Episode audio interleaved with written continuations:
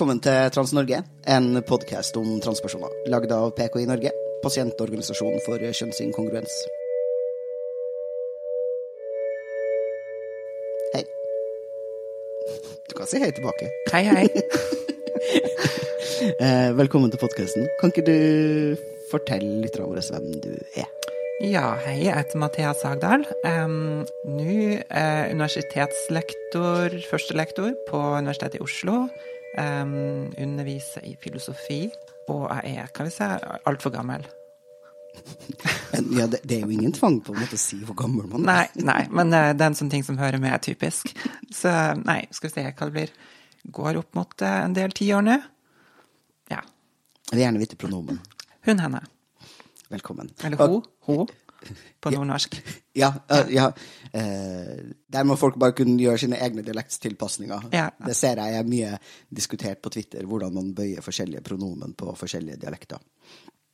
Jeg hadde en diskusjon her om dagen, for eksempel, hvor vi diskuterte subjekt- og objektsformen av de, dem. Eh, og på trøndersk så har vi bare eh, objektsform. Så jeg sier dem hele tida. Mm. Så det er spennende. Ok, så Sorry. Digresjon. Det er vel transrelevant digresjon, da. Um, så du er nesten professor, eller? Nja, ja, nja. Jeg var førsteamanuensis tidligere. Jeg jobba på Universitetet i Tromsø i åtte år. Men uh, nå har jeg endra stilling um, når jeg kom til, til Oslo. Starta opp i Oslo i, um, i år, i januar. Ja. Liker du den nye jobben? Veldig fint. Veldig fint. Jeg tok jo tidligere doktorgraden i, eh, i Oslo. Da var det litt sånn eh, kjedelig, kjipt, eh, mannlig, streit eh, miljø med mye sånn prestisjepreg og sånt. Mens nå er det veldig fint. Veldig ungt og skeivt. Um, så det er veldig hyggelig å, å være der. Hvordan tenker du det at de folkene som filosoferer og tenker på ting, eh, hvordan preger det hele liksom, fagfeltet hvis man er ja, ung og skeiv, versus liksom, at det er mannsdominert og med høy snittalder? Jeg kan si liksom at, at min, eh, min si, transisjon, da, eller min eh, si, erkjennelse av hvem jeg er og hvordan jeg passer inn i verden, har egentlig vært en revolusjon for, for ikke bare liksom mitt private liv, men også liksom mitt faglige ståsted. Og måten jeg ser på filosofi på, og, og fag generelt. Um, det å være en, skal vi si, være i en majoritetsposisjon begrenser på mange måter eh, si perspektivet ditt på veldig viktige måter. Eh, det er ting som du ikke ser eh, ofte når du kommer fra en majoritetsposisjon. Så var det jo også sånn at, at da jeg var student, så var det jo lite um, lite sånn, feministiske perspektiver og sånt i, i faget. Så det var, jeg ble jeg liksom ikke kjent med. Eh, men da jeg seinere i løpet av da eh, transisjonen ble kjent med, med disse tradisjonene, de mer feministiske orienteringene innenfor filosofi, så eh, så må jeg si det åpna sinnet mitt noe enormt. Det å ha måtte, marginaliserte individer og kvinner og så- disse perspektivene som ikke representerer det måtte, tradisjonen i faget, det gjør en stor forskjell altså, i forhold til å åpne opp og, em, og em, få et måte, få inn en helt annen type bredde i perspektiver og måter å tenke på. Vil du fortelle litt mer om liksom, din egen transisjon? Og da gjerne også mer liksom, hvis du kan liksom, koble på faget ditt og versere hvordan du tenkte før versus hvordan du tenker nå, eller hvilken oppdagelse du har gjort underveis og sånn. Ja, ja, ja.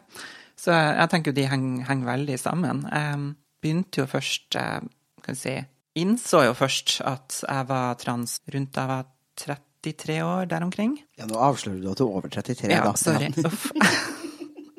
det går bra. Ja. Så, um, så det er ikke så mange år siden. jeg ikke, det har ikke gått så mange år. Um, men uh, før det så levde jeg jo et helt annet type liv. Uh, veldig uh, streit uh, siste et liv. Og med familie og barn og, og hele pakka. Og em, det var måtte, Jeg var aldri måtte, bevisst på at, um, at jeg var trans. Jeg kunne være bevisst på at jeg var bifil, eh, men ikke, ikke at, at jeg var trans. Og det er egentlig sånn på tross av veldig mange sånn eh, kanskje åpenbare ting, da. Sånn det å faktisk gå rundt og tenke og ønske at man kunne ønske at man var jente istedenfor. Um, det å, å sitte og, og liksom lese alt man kommer over liksom, av, av transrelevante ting når det først dukker opp, men det var vel sjeldent. Uh, det å uh, ha den lengselen i seg og, og, kjenne på den, men likevel ikke, ikke sant? kunne eh, kunne erkjenne for seg sjøl at man var trans. Og det, er jo liksom helt, helt absurd, egentlig, fordi at jeg var jo filosofi, jeg drev med filosofi og var også veldig opptatt av, av si, å forstå meg sjøl. Eh, så jeg drev mye med grubling og sånt, men var egentlig litt sånn stolt over, liksom, over, at, liksom, over min egen eh, selvkunnskap. Da. Eh, men den var jo ikke til stede i det hele tatt. Så det kunne eh, til og med mer sånn Ikke så lang tid før jeg liksom klarte å komme ut, så, så satt jeg der og, og planla min egen skal vi si, eh, hormontransisjon. Eller, og, og, satt og faktisk planla innkjøp av hormoner og sånt. Jeg, jeg ville bare bli litt, litt, litt mer feminin, liksom. Mm -hmm. eh, men jeg kunne ikke koble det. Jeg kunne ikke tenke tanken at jeg var trans. Fordi at den tanken var så skummel. Den, eh, jeg visste at, at når jeg altså underbevisst kanskje, så visste jeg nok at hvis jeg tenkte den tanken ut, så ville livet mitt bli snudd opp ned.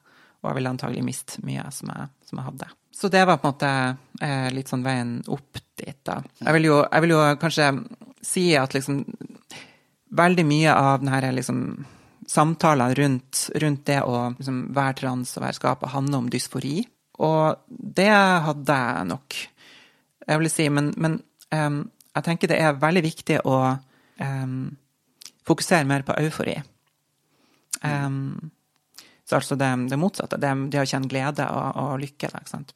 Fordi um, gjennom hele si, mitt, mitt, voksne liv eh, siden puberteten og sånn, så har jeg det jeg har kjent på, det er egentlig en, bare en sånn vedvarende ubehag um, i alle slags situasjoner, stort sett. Så det så jeg bare på som en sånn konstant ting ved livet mitt. Da. Sånn, sånn var jeg emosjonelt innskrudd, liksom. Men liksom, så det sa meg, sa meg veldig lite, egentlig. Sånn, hva, hva det her betydde, det her ubehaget. Så det var egentlig først da jeg kjente på en sånn type kjønnseufori, at liksom jeg skjønte ting. Det var når jeg faktisk eh, prøvde å, å klede meg om og endre uttrykk, og kjente på en dyp tilfredsstillelse eh, når jeg kunne se meg sjøl. Det var da, først da jeg klarte å og tenke tanken at jeg var trans. Åh, det, det, er veldig spennende. Altså, ja. Eh, erkjennelse er veldig spennende. Og det er liksom innse ting om seg selv. Og så er det sånn jeg, tror, jeg vet ikke om det her stemmer, men jeg ser for meg at i filosofien så tenker man sånn at erkjennelsen bare liksom, den finnes liksom tilgjengelig.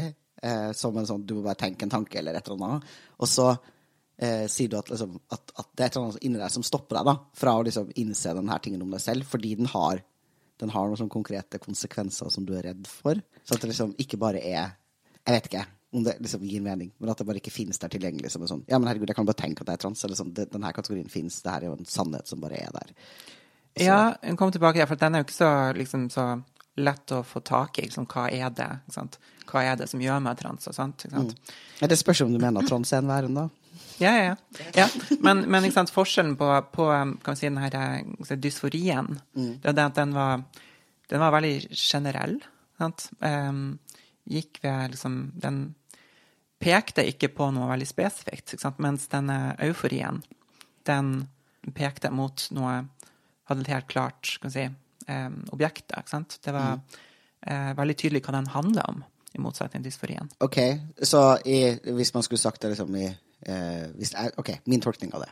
Sånn at man eh, å måtte eksistere i verden som noe som Eller som en person som blir forstått som mann, eller som liksom er mann på en eller annen måte, medfører at liksom alt bare er tona ned i litt sånn Det er trist overalt. Mm. Det er bare dempa. Det er dårlig, det er dårlig stemning, liksom. Mm. Og et sånn uforklarlig dårlig stemning overalt. Mm. Mens å leve i verden som kvinne er sånn Altså, det å edde kvinne til enhver situasjon gjør enhver situasjon bare mer lystbetont og glad. Og at det er helt opplagt at det er liksom, konseptet kvinne som gjør det her hyggelig. Eller?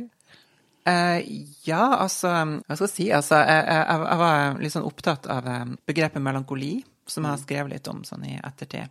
Um, så jeg, jeg, var en gang hos en psykolog, uh, og så snakka jeg om det liksom at uh, ganske sånn mye. Uh, og så sa hun da at liksom ja, det må, vi, det må vi gjøre noe med, liksom. Det må vi fikse på. Så ble, kjente jeg reagerte litt, liksom, for at det var jeg tok det liksom negativt opp, fordi at jeg følte egentlig at melankolien var liksom min identitet. Da. Mm. Det var en del av meg.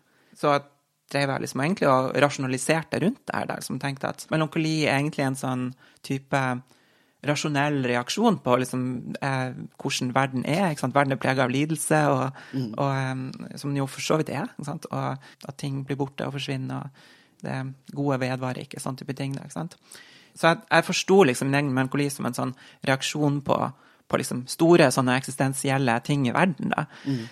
Mens egentlig så handla det om at jeg hadde lyst til å være litt girly, liksom. og, det, og det er jo ja, noen nydelig sånn der, Ja, her tror man at man bare barner med de store eksistensielle spørsmålene, ja. at det nødvendigvis, som du sier, medfører en, litt, viss nedstemthet. Og så er det sånn Men hvis man bare er dame, så blir jo alt det her bra, egentlig. Ja. Ja, det hjalp veldig, i hvert fall. Ja. ja. Det er så godt å høre. Altså sånn, eh, og da er spørsmålet eh, Gjør det verden god eller bedre for deg mm. som enkeltindivid, eller gjør det faktisk også hele verden bedre? Ja, begge deler vil jeg håpe, i hvert fall. Ja. Altså, um, noe av det som kanskje gjør ting bedre, det er jo liksom den muligheten av å være, liksom, eksistere på en autentisk måte i verden. Da, mm. Og blant annet så muliggjør det å ha autentiske relasjoner til andre mennesker. Fordi i mitt si, tidligere liv så kunne jeg på en måte ikke ta ut meg sjøl og være til stede i den relasjonen um, sånn som jeg kan nå. Det var egentlig ingen som kunne kjenne meg som personen jeg var. Jeg kjente ikke meg sjøl som, som, egentlig. Sant? Så nå, ikke sant, så, så, så i et vennskap, så når noen vennskapelig kjærlighetsforhold eller en, en relasjon, så, så, er det meg på en annen måte. Jeg holder ikke tilbake ikke på, på, meg sjøl. Mm.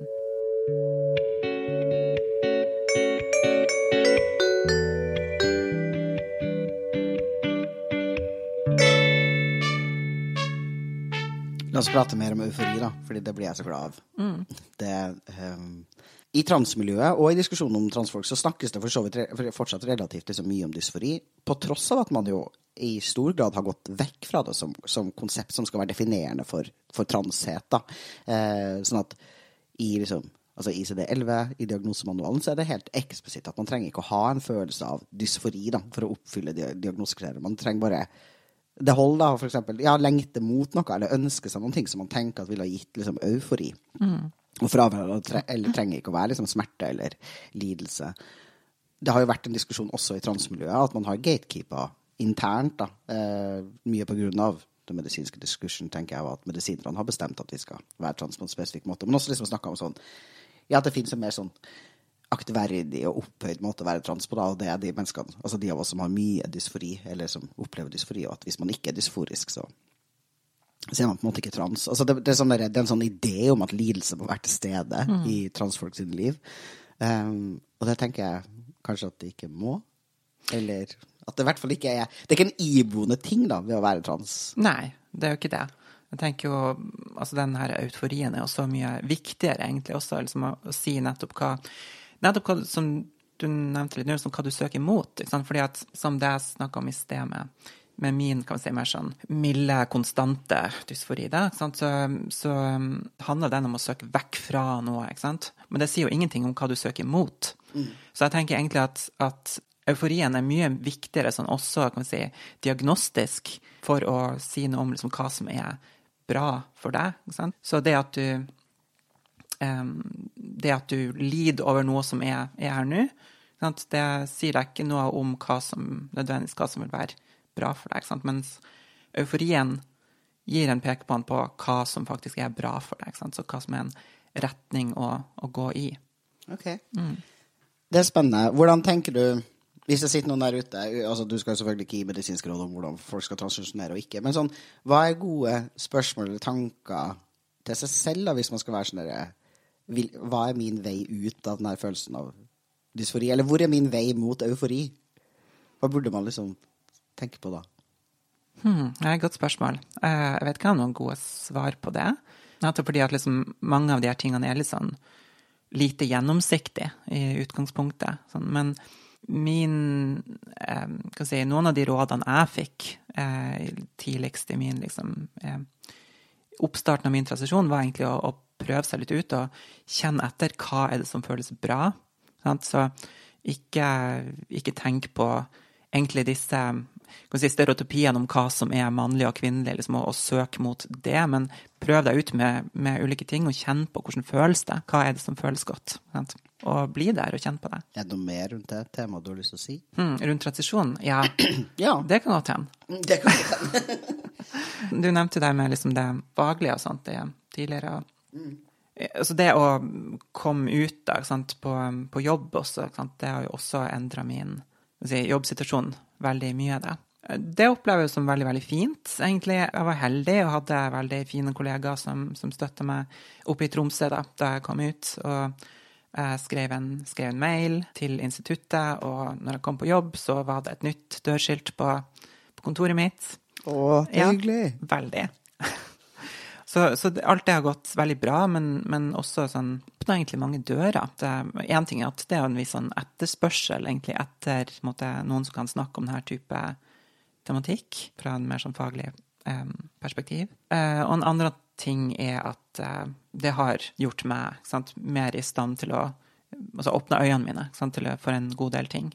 Mm. Alt fra liksom det politiske til det etiske og personlige til også det jeg kan si, metafysiske, som det heter. Som er sånn um, Forstå hvordan egentlig verden er. Jeg vet ikke hvor dypt jeg skal gå inn i sånne filosofiske ting og sånt, men, men Jeg ser for meg at ganske mange folk som lytter på denne podkasten her, egentlig, kanskje uten å vite selv, har foretatt en del eh, ganske filosofiske tankeøvelser i hodet sitt. Mm. Fordi man Jeg tror man tvinges til det som trans, da, å være sånn ja. OK, hva er, hva er virkelighet? Hva er væren? Hva er det som er godt, og hva er det mm. som er ondt, og hva er det som er rettferdig og urettferdig, og er det som, liksom, hvordan burde verden sett ut? Jeg tenker at det er tanker som de aller fleste transfolk har barna med, da. Ja. Uten å kanskje skjønne at det man har holdt på med, er tung, tung filosofi på høyt nivå. Ja, ja, ja.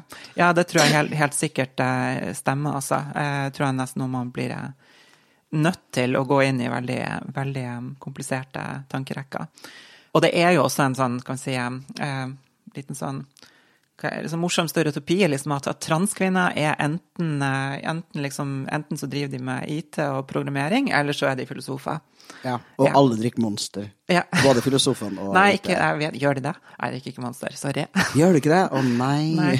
Um, men uh, ja, du har jo liksom uh, en del um, så på YouTube sant, så er jo liksom de mest kjente liksom, transkvinnene der liksom er jo altså ContraPoints og PhilosophyTube, som jo begge er, er bakgrunn i filosofi. Philosophy Tube er jo kanskje en av de største sånn filosofi-YouTube-kanalene og sånt, og Alison Hva heter Alison Tårn?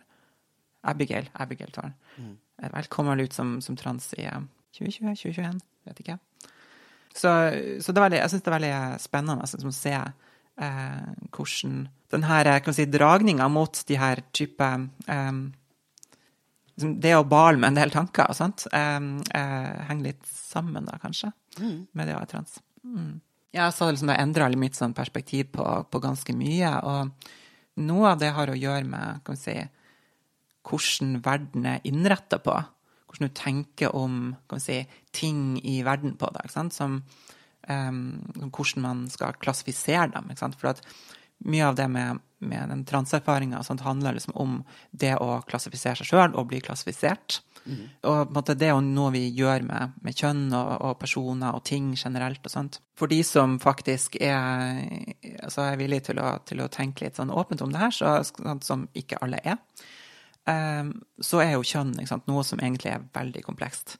Også sant, når du ser på det med skjønn. um, kun kroppslige, så, så, har du liksom intersex-kropper og, og transkropper som, som, har ulike konfigurasjoner av, av egenskaper. Så det er ikke åpenbart liksom, hvordan, hvordan, ting skal, skal, kategoriseres og plasseres, særlig hvis du opererer med liksom kun to kategorier, mann og kvinne. og sånt. Så når du begynner å, å tenke på de tingene der, så begynner det liksom også lett å kunne se liksom hva, hva, hva det vil innebære å tenke på, på kjønn som f.eks. en sosial konstruksjon. Da, At det er de her kategori kategoriene som vi bruker, de er produkter av beslutninger vi gjør om hvordan vi ønsker å kategorisere ganske sånn komplekse ting. og sant, det er spørsmål om ok, hvor mange kategorier skal vi operere med. Skal vi operere med to eller flere? Um, og hvordan skal hver enkelt ting baseres inn under dem. Sant? Så det er på en måte valg vi mennesker gjør. Så, så, så den eh, tanken der den, sånn, kommer jo lett når du tenker om, om transting. Og, og, den kan jo egentlig tenke veldig mye lengre om veldig mange ting i verden. Eh, egentlig kanskje de mest fundamentale tingene, det aller meste som finnes, kan, kan egentlig tenke på. Kanskje er egentlig ikke naturlige slag, men hvis vi snakker om kategorier som vi plasserer ting inn i, uansett hva det er. Så er de kategoriene eh, også på en måte sosiale konstruksjoner. Mm. Ja, altså, jeg er kjempeenig. Jeg mener at alt er en sosial konstruksjon. Ja, ja. ja. Og jeg, jeg, tror liksom ganske mange følger tanken om at det meste er en sosial konstruksjon, i den måten at det liksom blir sånn Ja, jeg skjønner at liksom min Altså folk først er med på tanken på at liksom min idé om hva som er feminint, eller hva som er kvinnelig, eh, mm. det er sosialt forma. Jeg ser at det har vært annerledes andre steder til andre tider. Eh, men det som jeg liksom alltid liksom føler at folk sliter med, er liksom at selve kategorien i seg selv, altså uavhengig av hva slags innhold du altså er en sosial konstruksjon, og at du aldri det finnes ikke noen posisjon som er tilgjengelig for deg som tenkende vesen, som er forut for den kategorien. Altså sånn, Jeg kan ikke tenke meg et sted hvor jeg ikke all, Altså, alltid allerede. Men altså, jeg klarer ikke å tenke meg et sted hvor jeg ikke har en idé om kvinne, sånn at jeg bare helt fritt faktisk kan tenke eh, at den kunne ha inneholdt hva som helst, eller liksom eh, ikke ting da, mm. som kvinnelig eh, eller feminint. Og eh, det kan jeg bli litt fortvila av. At den, at den, tanken bare faktisk ikke fins for meg. Altså, mm. jeg klarer ikke å tenke det, fordi jeg alltid har blitt fortalt at det finnes. Mm. Det kan jeg bli veldig fortvila av inni hjernen min. Ja, ja, det er veldig spennende. Særlig det med liksom, kategoriseringa inni det feminine og det maskuline. og sånt, for at de de tingene der de ofte De har ikke nødvendigvis noen veldig sånn klar intern logikk i seg, men det er bare noe vi gjør. Det å kategorisere ei katt som, som feminin og sånt, mens det kan være egentlig en den kan være manns. ikke sant? Uh, det er ikke noe kvinnelig, sånn, iboende kvinnelig ved den, men vi, vi, har ja, tendens sant, til å tenke på liksom, katter som feminin. og alt mer sånn, på på norsk sant, så kan man si 'ei katt' sant, og sånne ting. Så vi liksom har kjønn i språket, vi kjønner alle ting og sånt. Så det er jo, det er jo egentlig veldig spennende, og, eh, de tingene der. Så eh, kjønn og eh, si, eh, maskulinitet og feminitet, feminitet som kategorier som vi putter absolutt alt inn i. Ja, ok, Så du har eh, Man dekonstruerer kjønn litt fordi man er trans, og nødvendigvis liksom eh, forstår at de her kategoriene er litt meningsløse. Eh, eller man forstår det i hvert fall på en ny måte, da, og så mm. beskriver du en sånn her Ok, men det må nødvendigvis kanskje være sant for alle de andre kategoriene òg. At det er liksom mm. eh, Det er ikke gitt hva som skal plasseres hvor, og hvorfor vi skal gjøre det. Mm. Hva skjer så? Altså Rakner hele verden i liksom ingenting har betydning lenger, og alt er meningsløst? Eller åpner det liksom sånn her Wow, det her er Tenk på hva vi kan gjøre med verden nå? Ja, nei, jeg, vet ikke helt. Um, altså, ting, at, ting i verden, de er nå bare som de er, ikke sant. Så det handler mer om liksom de, de boksene vi putter ting inn i. Så hvis du tenker på når, um, På engelsk så har vi den distinksjonen mellom sex og gender og sånt. Um, og så er det mange som tenker liksom at um, si, sosialt kjønn, gender, sånn, er noe som er ja, Det er klart liksom en sosial konstruksjon. Liksom, det har å gjøre med kulturelle roller og sånne type ting når folk ser på det å, å ha den der engelske distinksjonen da, mellom sex og mm. gender, at det skulle vært nyttig på norsk, så tenker jeg sånn Jeg er så sjukt glad for at vi bare har ett ord for kjønn på norsk, mm. og at det er et diffust og lite definert konsept. Folk må bare være sånn Jeg sier kjønn, og så er det mm. sånn «Eh, Det eksisterer 2000 forståelser av det samtidig, da, og at det er bare gøy. Og så blir jeg sånn OK, men hvis man i hverdagen, da La oss si Eh, ikke bare hadde man ikke skjønt helt hvem det var som skulle liksom klassifisere til å ha den her såkalte altså kvinnelige sexen eller mannlige sexen, eller whatever. Men la oss si at eh, transfober for eksempel vil jo da mene vil jo da mene at mitt sex er kvinne, og at mitt gender er mann. Mm. på en måte. Mm. Og da blir jeg sånn, hvordan skal du operasjonalisere det i verden? Skal jeg mm. gå rundt og si sånn jeg er en mann, med en kvinnes kropp. Altså sånn, man, man får noe helt sånn opplagte, ikke bare filosofiske utfordringer, men sånn, rent mm. språklige. Hva skulle det betydd, liksom? Mm. Og, eh, og, det vil jo også være helt sånn faktuelt feil ja. i veldig mange settinger. Sånn her. Hvis jeg kommer på legevakta, ja. så gir det ingen på legevakta mm. nyttig informasjon hvis jeg sier at jeg har en kvinnekropp. Mm. Eh, det vil liksom det, det, funker ikke, da. Mm. Eh, og i veldig mange andre settinger så ville det vært helt meningsløst. Og så tenker jeg jo at nettopp fordi vi som mennesker ikke har en idé Altså, vi har allerede masse sosiale ideer knytta til ordet kvinne og mann, så vi klarer ikke inni hjernen vår å tenke at en eh, kropp er kvinne, uten å også skjønne personen som har denne kroppen, som kvinne, og forvente liksom kvinneting av denne tingen. Du kan ikke bare være sånn Nei, men eh, det bare er helt casual for meg å bare si at det er en mann med en kvinnekropp, liksom. Så er det sånn Det gjør noe med min status som mann, hvis noen skulle gjort det, liksom. Du klarer ikke eh, å faktisk tenke at jeg er mann, samtidig som du bare liksom casually nevner at kroppen min i din verden er en kvinnekropp, da. Ja. um, ja. Nei, jeg syns det, det du er inne på, er, er veldig viktig. Så um, den her um, sex-gender-distinksjonen og sånt, den er jo også viktig for, for mange av liksom, de her mer eh, transfobe eh, folkene. Mange beskriver seg jo som, på engelsk, da, gender critical. Eh, og det de mener med det, er at de er på en kritiske til å tillegge noe type sånn betydning til gender og det de vil fokusere på, og det, de mener er viktig, er sex. Så det de vil si, sant, er jo da at, at eh, transpersoner er OK, kanskje noen av dem er, lever i en viss rolle, sant, men likevel så har de en, liksom en det vil si på norsk, da, biologiske menn eller biologiske kvinner noe sånt, da, som er i en annen rolle. noe sånt. Og det er jo kan si, også For det første liksom, så reduserer det jo på en måte eh, ditt kjønn til, til altså Det tar ikke kjønnet på alvor. Um, og sånn sett så er det jo en sosialt sett lite hyggelig ting å gjøre, å snakke på den måten, men det er også veldig, veldig unøyaktig og um, eh, farlig um, i noen tilfeller. Så, så særlig sant, for transpersoner som, som gjennomgår kjønnsbekreftende behandling, så endrer man jo på kroppene sine. Sant? Så det du ender opp med da, eh, etter hormonbehandling, etter muligens kirurgi osv., sånt, det er jo ikke en, en kropp som samsvarer liksom, med det du forbinder med eh, biologiske menn eller biologiske kvinner. Eller det. Eh, det er også et idiotisk uttrykk, men vi skal ja, ta det etterpå eventuelt.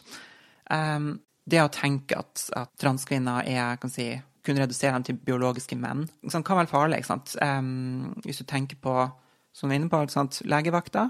Sånn, hvis du skal um, Eller altså, i en, generelt i en medisinsk sammenheng, så er ikke kroppen din sånn som, en mann, som kroppen til en cis-mann, eller en cis-kvinne, for den saks skyld. Er, det er en transkropp. Eh, Det som er relevant i en medisinsk sammenheng, er jo ikke måtte, kategoriene i det hele tatt. Det er ikke om du er det en mann eller kvinne på den ene eller andre måten. Det er hvilke skal vi si, kroppslige egenskaper du har. Um, det er om du måtte, eh, hvordan du er hormonelt sammensatt, og, og hvilke kroppsdeler du har, og internt og eksternt osv. Så, videre, så disse kategoriene sant, de, de er egentlig bare sånn snarveier som fungerer vanligvis godt for personer med veldig med vanlige Norm- kropper. Ja, normativt sammensatt kropp, liksom. Ja, Altså, ja. ja. Ja, og jeg tenker jo at altså, det hele, eh, altså, hele feminismen har jo også som utgangspunkt at altså, hvis man setter i for stor grad setter én ting som norm, da, mm. gitt f.eks. mannen, så ender man jo opp med at altså, systemet funker veldig dårlig. Og jeg tenker at det, eh, det, det, det vil også funke dårlig hvis man har sett to normer, mann og kvinne, og har en veldig spesifikk forståelse av at de to tingene er, så vil det også være liksom, Det funker ikke for Ja. mange personer. Jeg hadde en veldig artig diskusjon på Twitter her om dagen, faktisk. Altså, ikke, ah, for guds skyld, til alle der ute, ikke vær på Twitter, liksom, i hvert fall ikke hvis du er trans. Det er jo et eh, hell on earth. Men da var det en fyr som liksom, han bare klikka på meg, fordi han mente at nå hadde liksom, transbevegelsen gått for langt, fordi vi krevde at eh, også transkvinner skulle bli liksom, innkalt eller få tilgang på mammografi. Eh, og det mente han var helt sånn sjukt latterlig, at vi skulle liksom gjøre sånne dustelatterlige ting for å liksom bare bekrefte kjønnsidentiteten til folk. Så det er sånn, så det er sånn, altså Vi gjør ikke det fordi transkvinner har så lyst på å bli kjønnsbekrefta av å bli innkalt på mammografi. Det er fordi liksom, personer som har gjennomgått en pubertet eller liksom, eh, greie hvor man har utvikla brystvev, kan få kreft i det brystvevet. Altså, det sånn og det skjer, da, hvis man går på østrogen. Eh, og så og så er det også sånn. Og for en del transmenn så vil det også være aktuelt fordi man har brystvev, enten Ja, ja. man ikke har tatt topp opp, eller fordi man har tatt en del. Altså, sånn. eh, og han bare var sånn eh, Ja, slutta jo til slutt å liksom snakke til meg, og nekta liksom bare innse det her. Men jeg, jeg føler at det er veldig sånn der gjennomgående misforståelse av hva transfolk mener når vi snakker om liksom, inkluderende språk, eller altså det å gi liksom, relevant og uh, nøyaktig da, helseinformasjon. Så er det sånn, det er ikke primært fordi vi er så jævlig opptatt av den kjønnsbekreftelsen i seg selv. Liksom. Det handler jo om sånn vi har lyst til å overleve. Jeg har lyst til at ikke masse transdamer skal dø av brystkreft fordi noen har lagd en helt utrolig snever definisjon av hvem det er som er kvinner, da. Jo, sorry, det er ikke meningen å deraile hele tida. Men når du snakker om det her med også eh, Ja, det er jo ikke noe derailing, egentlig. Det er veldig relevant. Fordi at, og det går tilbake på det med kategorier. liksom. Hvilke kategorier vi opererer med. Liksom hvor de veldig grovmaska kategoriene som vi er vant med, som egentlig ikke funker så godt i mange sammenhenger. Mm. Og at man, man må egentlig gå liksom dypere og se mer på, på um, um, hva er det egentlig som er de relevante egenskapene og kategoriene i, i, i, i, ulike kontekster. Da, Mm. sant?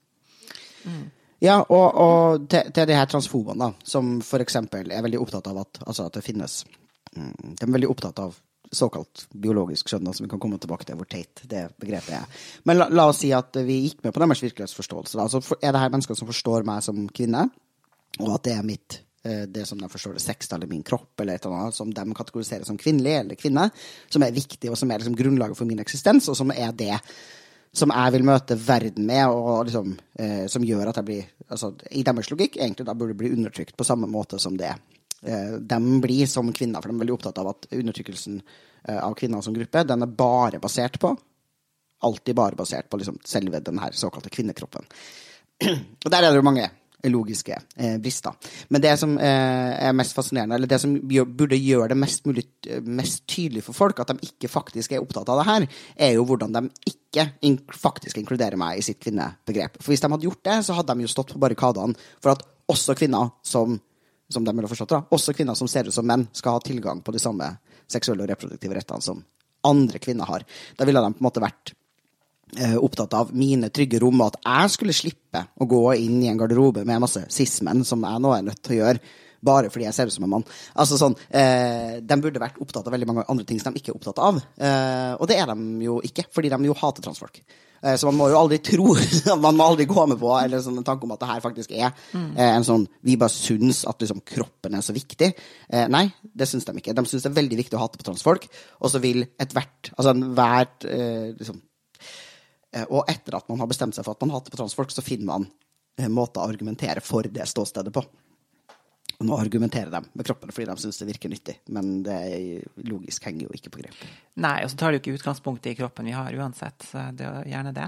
Um, men ja, det er, det er jo veldig tydelig hvordan mye som sies altså også innenfor akademia, er rett og slett eh, transfobisk eh, motivert. I filosofien så har du egentlig hatt en, en sånn diskusjon om, om hva er kvinne og sånt, sånn type ting eh, veldig lenge. Eh, kanskje ikke nødvendigvis alltid knytta opp mot liksom, transtematikk, da, eh, men mer liksom det her med kvinner som kjønnsrolle, og liksom, hva, som, hva som Og den forskjellen mellom kropp og kjønn, at, at det å skulle være født med en viss type kropp ikke har, logisk sett har noe å si for hvilken si, sosial posisjon du skal ha, men når vi snakker om kvinner, sant, så ser det ut som vi snakker ofte om en sosial posisjon eh, man kan inneha. Um, så det har, liksom, I filosofien har det lenge vært en sånn type diskusjon om det her, og, og som også har si, vært, i de siste årene vært mer sånn bevisst rundt trans da, som, som fenomen. Men um, det har også vært filosofer eh, som har stått liksom i spydspissen for mye av den her um, si, gender critical-bevegelsen, denne si, transfobe um, Som er en eufemisme for, for liksom, kan si, transfobi. Da. Ja. Og, så, og det er jo noe som er vanskelig, ikke sant? Um, kom tilbake med liksom, det, det å gå fra befinne seg i en slags majoritetsposisjon til å være en minoritetsposisjon. Og så plutselig oppdage at man ikke bare er en deltaker i en debatt, man er, man er objektet for, man er gjenstand for debatt. Man er den som diskuteres. Sant? Så når jeg står i klasserommet, sant, i eller seminarrommet, så, um, så handler jo på en måte debatten om meg på en måte som den aldri gjorde tidligere. Sant? Um, eller hun gjorde vel for så vidt det, men ikke som jeg var klar over. Ja. uh, og det er også en kan si, erfaring å ha, som jeg tror majoritetsmedlemmer i Norge, ikke sant, hvite, streite cis-menn, um, ikke, ikke opplever. Um, og det er ganske krevende, egentlig, å stå der og, og, og måtte vite at debatten handler om en sjøl. At liksom ens egen, egen eksistens er på en måte politisert. Så det gjør jo blant annet at, at, det er vanskeligere å snakke fritt og snakke åpent. Og man må liksom vokte seg litt for hvordan man legger ting fram. Um, som er synd på mange måter. Men på den andre, på andre sida så har jeg jo på en måte opplevd at um, når jeg har undervist om de tingene her, så har ofte responsen vært det at studenter syns det har vært veldig fint at jeg kunne snakka så direkte om de tingene her. For når de ellers har måttet snakke om de her tingene her, tingene her med, med si, sist-personer, så er kanskje de sist-personene veldig eh, tråkker veldig forsiktig. Mm. Eh, blant annet fordi at de kanskje ikke vet helt, eh, både sånn språklighet hvordan de skal formulere seg, og nok om kan vi si, eh, fenomenet. Så det å kunne stå der og snakke om de tingene her, sånn, det er egentlig også Det er krevende, men det er veldig, veldig fint. Også de, de møtene med, med, studenter. Jeg hadde eh, første semesteret mitt eh, da jeg var ute, så hadde jeg en eh, transfyr i eh, som student. Kanskje du hører på? Hei, i så fall. Um, som eh, ble igjen i klasserommet etter et seminar og spurte hvordan det gikk med meg og transisjon og sånt, og, så, og begynte å snakke om seg sjøl også. Da, sånn. Og det var så utrolig fint. Altså. Det, varmer skikkelig. Og også på en måte vite at måte, ens egen tilstedeværelse betyr noe. Sant? Og at det bidrar til å skape trygge rom for, for transfolk. Så har jeg hatt eh, mange andre si, transpersoner som studenter etterpå, og jeg måtte, merker jo at måte, det, det gjør en forskjell På, for, for, begge, gjensidig. At det er, det er godt å, å, å, være i, å være i rom der man ikke er en eneste. Mm. Mm. Ah, ja. Og det er så godt å være i et rom hvor man ikke er den eneste. Ja. Og bare være seg det fins en transkropp T inni ja. denne spacen. Det gjør bare sånn. Ja. Eh, mm. Hvordan tenker du mm, Forklar litt mer om hvordan det å være gjenstand for diskusjonen, eller det å skulle liksom navigere og diskutere Ja, å ha en sånn filosofisk samtale om trans, da, hva jeg skjønner, liksom. Hvordan det formes av å være trans, og hva som liksom Eller hvordan føles det? Hvordan føles det annerledes nå? Nei, altså, kan si um, Tidligere uh, i mitt liv, og som også merker hos en del si, andre um, så tenker man ikke så mye over uh, si, de sosiale og etiske implikasjonene av de diskusjonene man tar. Sant? Man tenker gjerne på ting som filosofisk bare sånne rene filosofiske debatter, der man kan snakke om si, liksom, transpersoner eller personer med Downs syndrom eller, eller eh, andre liksom, eh, grupper, og lage noen typer filosofiske problemstillinger rundt dem og sånt.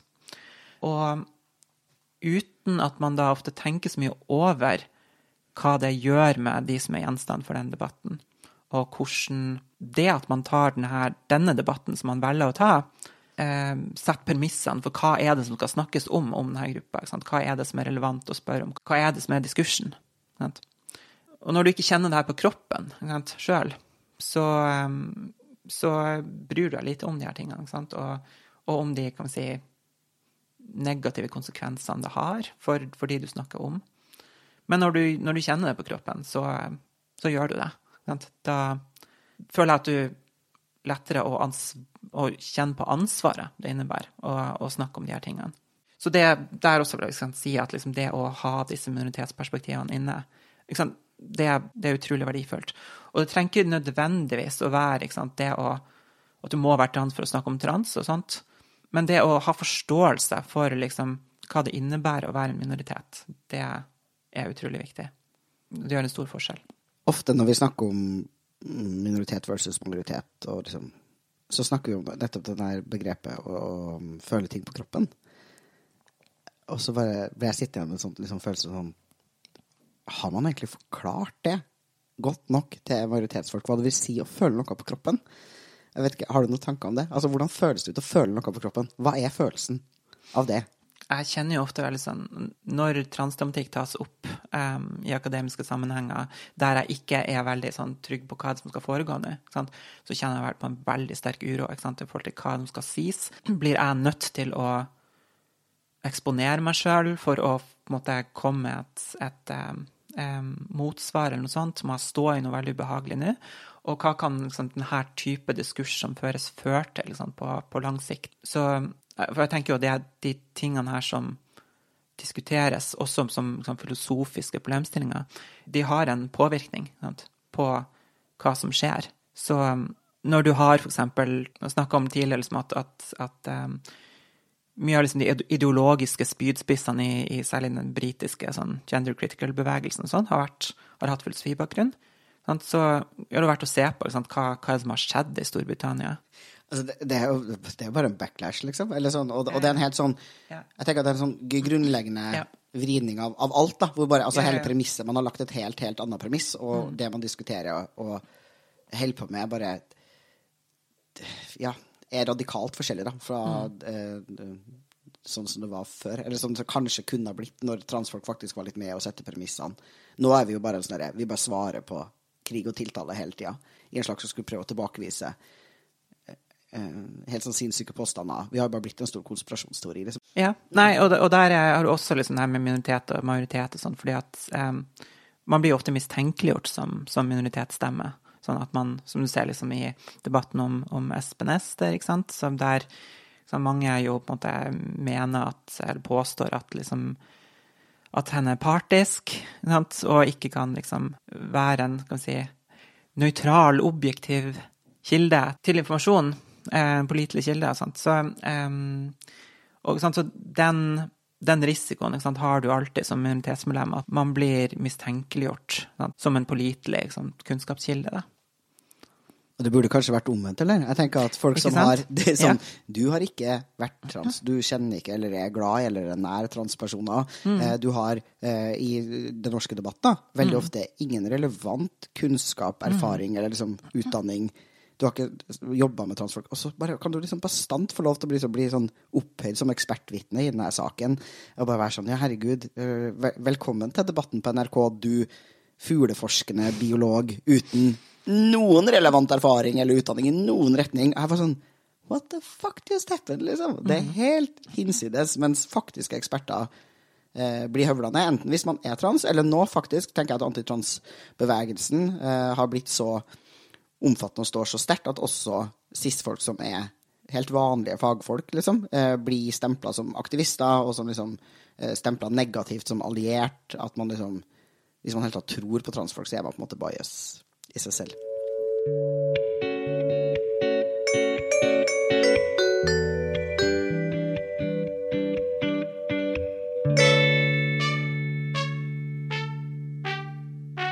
Ja, nei, for I Storbritannia så ser vi jo sant, et, et uh, veldig stort sånn backlash um, mot transpersoner, som også fører til uh, altså lovgivning, eh, forslag til det, mot, mot, transpersoner der egentlig transrettigheter fjernes. Der til og med sant, trans, spørsmål om transrettigheter har ført til en konstitusjonell krise i forholdet mellom Skottland og, og England og sånt, så det er en stor ting. Så, så, det å tenke at filosof, disse filosofiske debattene liksom, de er bare ren filosofi, og de, har, de, de påvirker hvordan folk tenker, og de påvirker ikke minst hva som blir snakka om. Så det er jo på en måte også kan si, påtagelig kan si, i, også utenfor akademia, i, i, media og sånt. Hva er det som blir snakka om? Um, er det, det, det, er ikke transpersoner som får lov til å sette premissene for transdebatten. Det er, transpersoner er alltid en type forsvarsposisjon. Så det som så, vi ser at det, det debatten handler om, det er jo um, bekymringer for, liksom, for feilbehandling fra, fra, privatpraktiserende personer, mens, eller, um, mens da Rikshospitalet med, sine, si, med sin horrible praksis på både behandling og forskning og pasientrelasjoner og, og alt mulig, det, det snakkes ikke om. Nei, de går fri fordi de er grunnleggende transfob, altså de er grunnleggende transnegative. Og hvis du har plassert deg selv altså Det føler jeg da at det er sånn, du vinner debatten hvis, altså by default hvis du posisjonerer deg mot transfolk. Da blir folk sånn herre hvem, hvem, tror man på i den eh, medisinske debatten i dag? Så er det sånn eh, Man disregarder Espen Ester fordi han er trans, men også liksom helsestasjon for skjønn seksualitet fordi de er på transfolk sin side. Så er man sånn Ja, men da tror vi ikke på fagkunnskapen din. Så bare høvler man det ned. Mens Rikshospitalet er sånn her man er villig til å altså Folk strekker seg langt da, for å argumentere for at mennesker er fullstendig blotta for empati, kunnskap og erfaring, og som bare, i Rikshospitalets tilfelle, da, bare ikke følger internasjonale standarder, alle transfolk er misfornøyd med dem.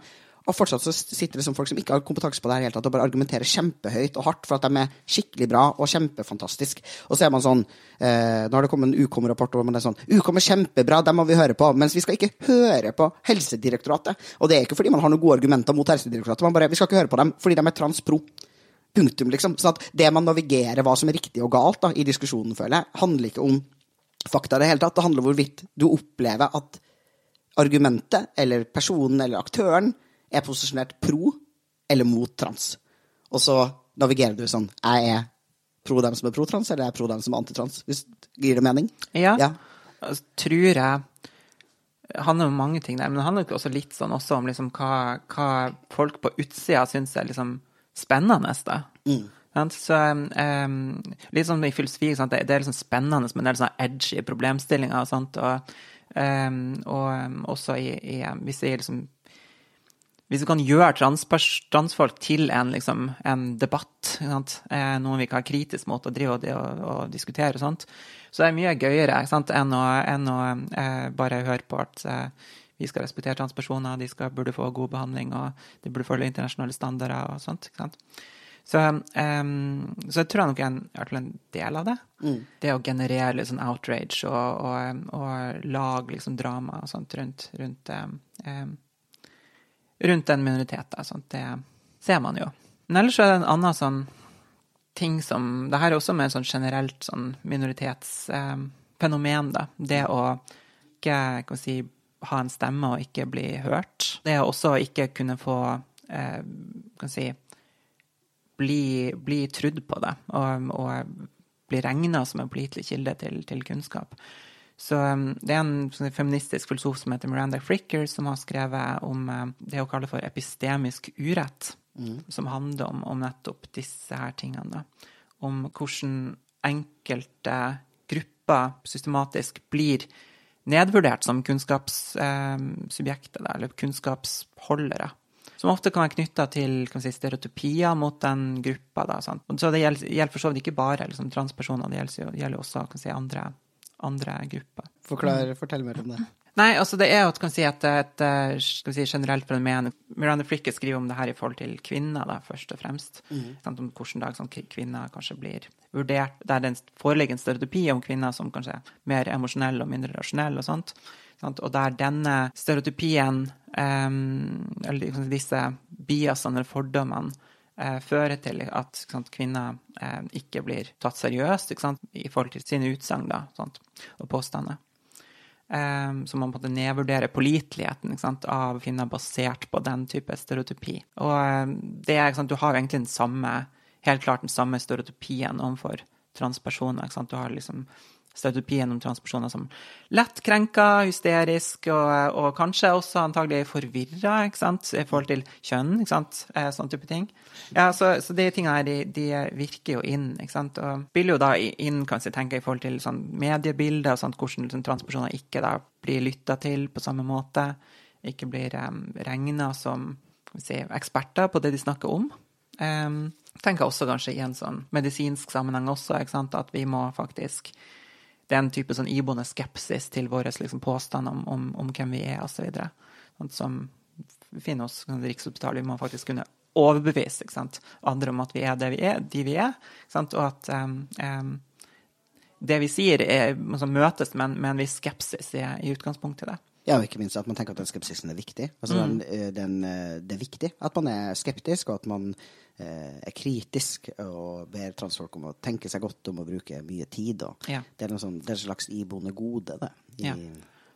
Og den, den skepsisen er jo knytta til kan si, kategorien trans. Da, sant? Eller, mm. eh, for at du har jo ikke den samme skepsisen mot andre som uttrykker sitt, sitt kjønn, sant? Eh, eller andre som eksempel ønsker kjønnsbekreftende behandling. Si, en mann som vil som er gyneko, gynekomasti, det det heter? Ja. som, eh, som eh, vil redusere sånn, eh, brystveksten sin, ikke sant? Eh, det er ikke noen tvil om, liksom, om om denne personen liksom har, har en forståelse av at det her vil være bra for en sjøl. Så ja. Ja, nei, man ville heller aldri operert med sånn arbitrære aldersgrenser for å prøve å gjøre det vanskelig. Man ville aldri vært sånn Er du sikker på Det kan være at du kommer til å angre i framtida. eh, ja, det kan være at du får arr, og det blir helt forferdelig. Nei, man behandler jo minoriteter kategorisk forskjellig. Jeg husker jeg tenkte på den jeg skrev masteren min, egentlig primært, hvor, sånn, hvor man faktisk tok en sånn vurdering av hvordan påvirker det eh, meg og det jeg liksom studerer, at jeg har den posisjonen i det her feltet som jeg har, da. At jeg er den jeg er. Og det blir jo minoriteter veldig ofte bedt om å reflektere litt over, mens majoritetspersoner ofte ikke blir bedt om å reflektere over det i det hele tatt. Og jeg tenker at det finnes, For det er ikke for å si at det liksom ikke finnes fordeler og ulemper, eller at det ikke finnes eh, At det posisjonen din ikke påvirker det du gjør, fordi det, det gjør den. Men det som er liksom fascinerende, er at man aldri ber om det fra majoritetsfolk, og at man heller aldri tenker at liksom F.eks. at kvinner da har en unik inngang til å studere mannen. Det ville jo aldri skjedd. at man var sånn Ja, fordi eh, kvinner står jo på utsida av denne kategorien og har en sånn objektivt, nøytralt ståsted hvor man kan observere mannen. Mannen får alltid lov til å observere seg selv og blir liksom fullstendig trodd. I tillegg så får mannen lov til å stå og observere kvinnen. Mm. Og har liksom den her um, Og det er der jeg tenker at man må liksom gjøre den vurderinga hvor man tenker sånn OK, men hvis du skulle finne på her nå og tenke sånn, ja, men er det ikke litt sant at man burde ha en viss, viss avstand til ting? Så tenker jeg sånn, En avstand til ting kan være en fordel av og til, men bare sånn Funker det begge veier, eller funker det ikke begge veier? Hvis det ikke funker begge veier, så er det fordi et eller annet er galt med systemet, liksom. Eller tankerekka di, tenker jeg. Eh, du snakka om at eh, det er noen dører som åpner seg og lukker seg eh, mm. når man kommer ut. hvilken hvilke liksom, dører er det som har åpna seg for deg? Sånn, hvilke muligheter har du fått? Ja, nei, altså, noe jeg er fryktelig glad over, da, det var å bli på en måte ganske umiddelbart um, invitert inn i, i, feministiske rom og kvinnerom og sånt. da. Så det har jo tenker jeg hjulpet meg veldig mye, og hjulpet meg veldig å kunne forstå meg sjøl og, og, føle meg trygg. Og så, sånt. og, og så åpna en del dører der jeg tenker at det er faktisk behov for meg der. At mm. Det er ikke bare jeg som har godt av å være der, men faktisk de har godt av at jeg er der. Så jeg tenker egentlig at transerfaringa er enormt verdifull sånn, for, for, så utrolig mange problemstillinger. Så, så det har, det har åpna en, en, del dører sånn sett faglig til å kunne være til stede i en del fora og diskusjoner og debatter og sånt. Det er bra. Mm. Jeg tenker også ja, at du trengs i de rommene du er i. Ja. Altså Transfolk trengs der hvor vi er. Vi er ja. overalt, liksom, om det er i filosofiske altså, kretser. Eller... Det er jo egentlig jeg syns det er egentlig så utrolig rart, ikke sant? den her um, avskyen eller noe sånt som mange har mot, mot uh, transpersoner og sånt. Eller la oss si liksom mot, også mot mange sånne fenomener, for eksempel som liksom en um, gravide menn og sånt, gravide transmenn og sånt. Det er jo, det er jo bare egentlig fantastisk fascinerende. Alle de erfaringene og annerledes um, kan si, perspektivene og opplevelsene um, og livshistoriene som du kan, kan få inn da, gjennom med, med transpersoner. Uh, hvordan noen kan synes noe annet, kan, klarer jeg bare ikke forstå. nei, nei, jeg er enig. Ja. Preaching to the choir.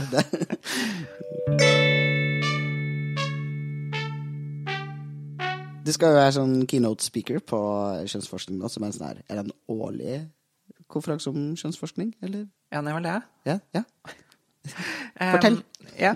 Apropos muligheter som åpner seg, ja, ja, kanskje, i akademia. Ja, jeg er også veldig glad for å invitert inn. Altså, tingen er, Jeg er jo i utgangspunktet ikke en kjønnsforsker. Um, jeg har jobba først og fremst med etikk, uh, og mer sånn kan si, ganske abstrakte problemstillinger i forhold til, til etikk.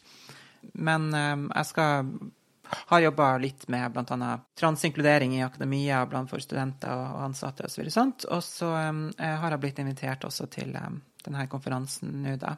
Som jeg er veldig glad for. Um, å kunne få, få snakke til, til, så mange. Det er jo tross alt ikke mange si, transpersoner som er vitenskapelig ansatt i, i Norge. Nei. Det er ikke det. Så jeg er glad for å kunne bli invitert og få, få snakke. Um, jeg skal um, Jeg skal snakke om kjønn som materiell virkelighet, heter, heter tittelen på foredraget. Mm. Um, eller var opprinnelig tittelen på foredraget, men så ble, ble, jeg bedt om å gjøre det på engelsk, og da blir det litt vanskelig. For at kjønn som materiell virkelighet, hvordan skal du oversette? Sex? Altså, gender? Jeg, jeg, tenker jo at uh, Butler gjorde det veldig bra i sin bok 'Bodies That Matter', men uh, du kan jo stjele tittelen, jeg vet ikke. ja. Nei, uh, i alle fall så, så det, det, jeg skal snakke om, en del av de tingene jeg snakker om, om her i dag Hvis vi skal ta disse si, gender critical-folkene på alvor og si at, og, om at OK, det er sex, altså det er kropper eller noe sånt som betyr noe, da. Ja, så må, skal, la oss prøve å ta det på alvor og se hvordan, hvordan det går. Så vil du egentlig få en posisjon som er litt motsatt av det de, eh, det de tenker, da. Mm. Så i, eh, i norsk eh, si, debatter så har det vært enkelte sånn transkritiske eh, akademikere som har eh, hevda at eh, kjønnsidentitet og disse tingene her er en, en type religion.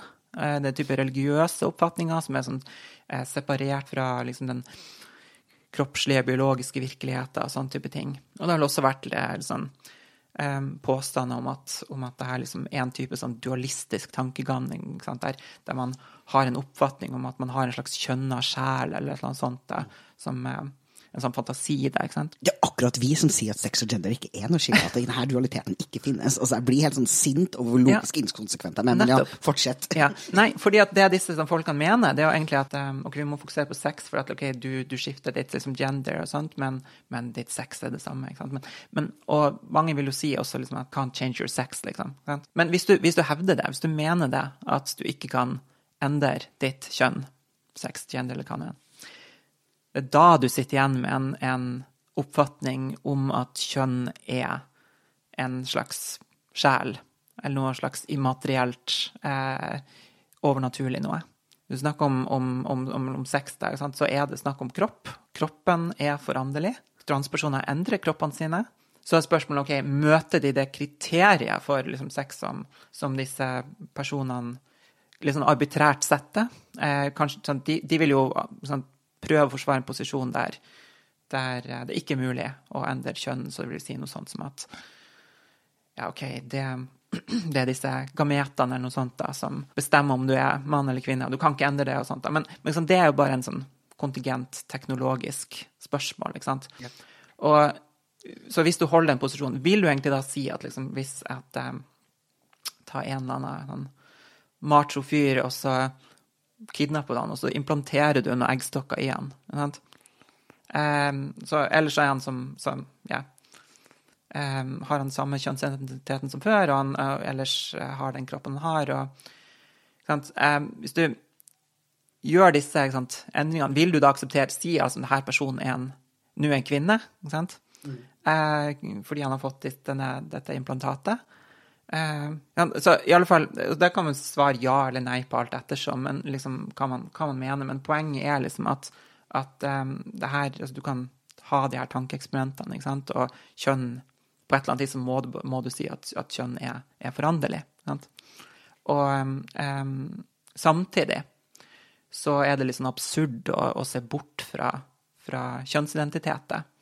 Eh, Hvis denne personen med implanterte eggstokker fortsatt oppfatter seg som en mann og lever som en mann og i stort sett har en normativt mannlig kropp. Så er det sånn absurd å trekke den konklusjonen at pga. dette implantatet så er han nå ei kvinne. Sånt, sant? Så det, det, å leke litt med den typen ting der, den tanken om at liksom, kjønn ikke er, ikke er foranderlig. Hvor kan man, kan man uh, se eller høre denne keynoten din? Kan du komme og framføre den? Godt spørsmål. Jeg vet ikke. Jeg kan, jeg kan, sikkert holde den i en annen sammenheng hvis noen har lyst. Ja. Bare inviter meg. Um, ja, ellers vet jeg ikke om den kommer til å være um, streamer eller noe sånt. Spennende. Mm. Er det noe mer du vil si til det nydelige Trans-Norge-publikummet? Åh, oh, um, dere er fine. ja, for det er dere faktisk. Ja. Og så prøver jeg å forestille meg den nydelige Trans-Norge-musikken som ja. spilles og sånn. Den er, den er, ikke her i studio, for alle som ikke vet det. Men, eh, Sorry. Jeg, jeg, kunne faktisk lagt den inn på mikseren og så spilt den sånn. Ja, den er så fin. Jeg blir så glad når jeg hører den. Det er jeg skikkelig glad for. Jeg er også veldig fornøyd med jingeren vår. Den er, det er koselig. liksom. Jeg også blir sånn mm. ja. OK. Det var veldig hyggelig at du ville komme på podkasten. Ja, likeså. Takk for at vi kom. Ja. Jeg håper alle fikk liksom nye perspektiver på hvordan man kan ta en interessant filosofisk samtale om transfolk uten å være übertransfob. Det er mulig. Det er mulig. Takk, det er jeg veldig glad for. Jeg heter Luka Dalen Østbseth. Takk til deg som lytter på Trans-Norge. Spre ordet om podkasten, og rate oss gjerne i podkast-appen din. Takk til klipperne våre Minna og Noah. Følg PKI på sosiale medier, og meld deg inn i PKI på nettsidene våre www.kjønnsinkongruens.no, eller www.pkinorge.no. Og uten www, for det trenger man ikke si lenger. World Wide Web. man trenger ikke si det. Det er 2023. pkinorge.no. Meld deg inn. Bra. Ha det.